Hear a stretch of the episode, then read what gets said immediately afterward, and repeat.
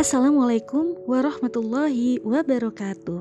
Safil rahimakunullah kaifahalukunna Mudah-mudahan antuna semua dalam keadaan khair Dalam keadaan diliputi oleh kebaikan dan cahaya hidayah. Amin Allahumma amin.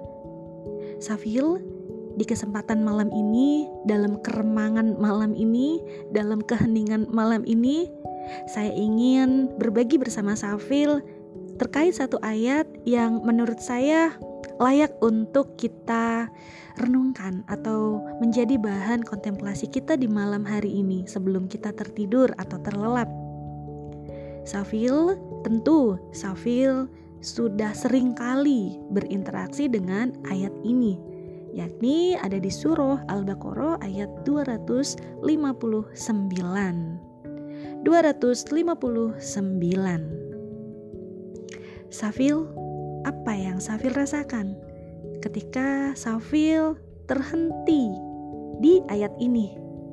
Ketika Safil membaca kisah yang ada di ayat ini, tentu hati kita terasa berdesir ya Safil. Kita merasa luar biasa takjub kepada kekuasaan Allah Subhanahu wa taala. Di dalam ayat ini Allah dengan kekuasaannya mematikan seseorang selama 100 tahun dan atau lalu menghidupkannya kembali. Supaya peristiwa ini dapat dijadikan bukti bagi seluruh manusia tentang betapa Allah itu maha kuasa. Apa pun bisa Allah lakukan, tidak ada yang mustahil. Baik Safil, untuk mengingat kembali ayat ini, saya akan bacakan terjemahannya untuk Safil ya. Quran Surat Al-Baqarah ayat 259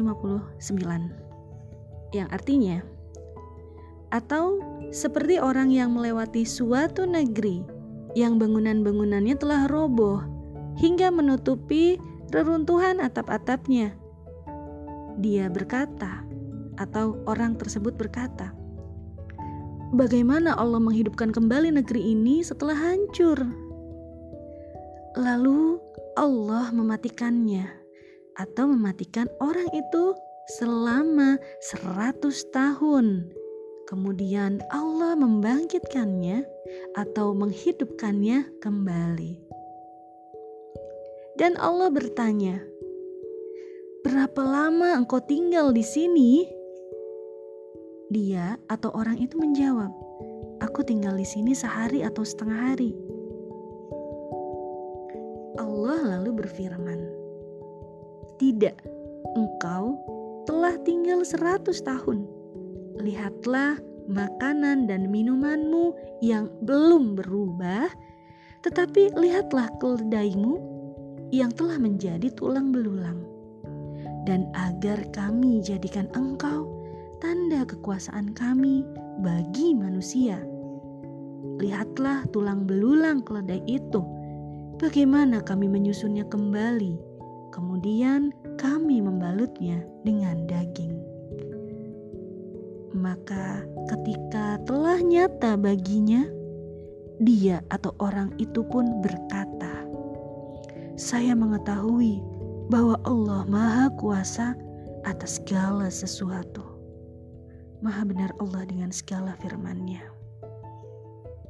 Safil, peristiwa diwafatkannya orang ini selama 100 tahun lalu dihidupkan kembali ini menjadi bukti atau menjadi ayat yang menunjukkan kekuasaan Allah.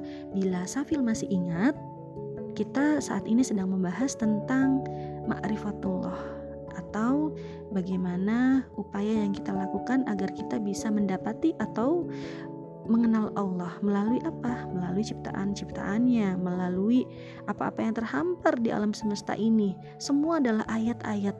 Nah, ayat di sini dalam makna kekuasaan Allah. Nah, begitupun ayat-ayat Allah atau kekuasaan Allah juga kita dapati dari kisah-kisah orang-orang sebelum kita Safil. Salah satunya ada di ayat ke-259 ini.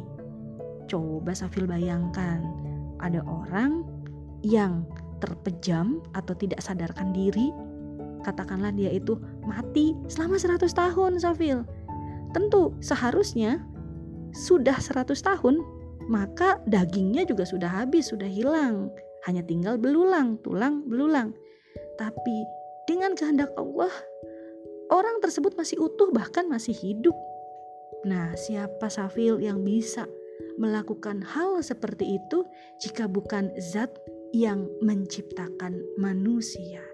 Nah, Safil, kiranya ayat ini bisa mengokohkan, lebih-lebih lagi mengokohkan keimanan kita kepada Allah Subhanahu wa taala. Dan ayat-ayat yang semisal dengan ayat ini. Artinya, kita tidak harus memastikan eksistensi Allah itu dengan melihat secara langsung wujud Allah, wujud lahiriah Allah yang hal tersebut tidak akan mungkin dapat dilakukan oleh manusia, tidak akan sanggup dilakukan oleh manusia. Tetapi bukan berarti karena mata kita tidak bisa langsung mendapati Allah seperti apa. Nah, ada cara lain yakni apa? Kita pergunakan akal kita, Safil, akal kita untuk mendapati Allah. Akal kita untuk dapat memahami eksistensi Allah. Salah satunya dengan belajar dari sejarah, dari kisah-kisah. Seperti itu Safil, mudah-mudahan bermanfaat ya. Bila hitofik wal hidayah, wassalamualaikum warahmatullahi wabarakatuh.